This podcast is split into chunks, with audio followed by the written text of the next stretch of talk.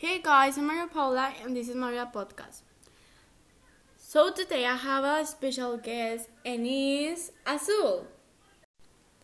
Hey everyone, I'm so excited to be here. Thanks to Maria Paula for inviting me. Thanks to you for coming. Okay, we're going to talk about Argentina G20. So let's going to start. The G20 was founded in 1999 as a technical meeting of finance ministers and presidents of central banks. As its own webpage explains, according to the same page, in the middle of the 2008 economic crisis, it became what it is now a key space for discussions and decisions making in which the top world leaders and main economies participate. So, Maria Paula, what do you think about that? Well, I think that it has passed a lot of years since they founded. Yeah, that's true. It is a premier international forum for economic, financial, and political corporations. Continues a web page which points out that the discussion topics encompass the Great Global Challenge with the goal of generating public, public policies to solve them. Oh, that's interesting. So, what what countries make up the G20?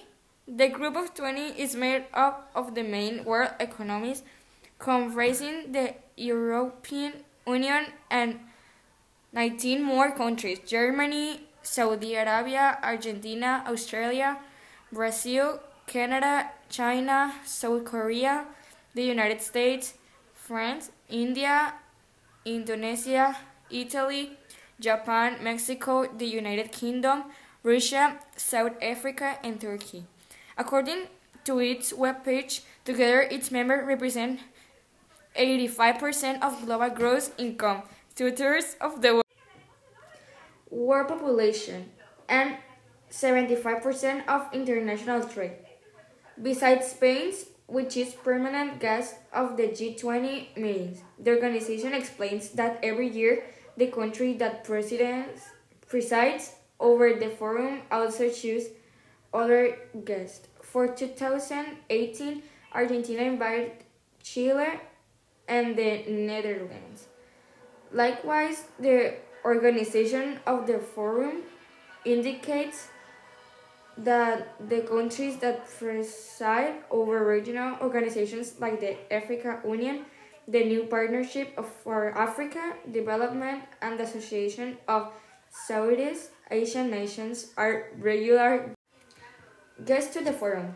This year, these regional groups are represented by Rwanda, Singapore, and Senegal, respectively. The Caribbean community was also invited by Argentina and is represented by Jamaica, according to the G20 website.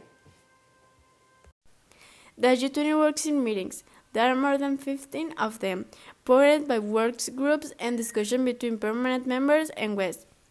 The meetings take place for several months and conclude with Leaders Summit, which this year will be held in November. In this meeting, the leaders sing a final declaration with which they commit to approbation and collaborating on the chosen topics. The G20 website explains. These meetings come about through two channels the finance channel, headed by finance ministers and the central bank, and the Sherpa channels, coordinated by the chief of the cabinet of ministers, in which ministers from several areas participate. In the latter, the topics are political commitments, combating corruption, development, gender equality, commerce, energy, etc. Does the G20 have a headquarters or office? Now, all the organizational and logistical coordination of the meetings is done by the country that presides over the group, states the organization webpage. So, thank you, y'all, for being in this podcast and listen to us. Thanks. See you next week.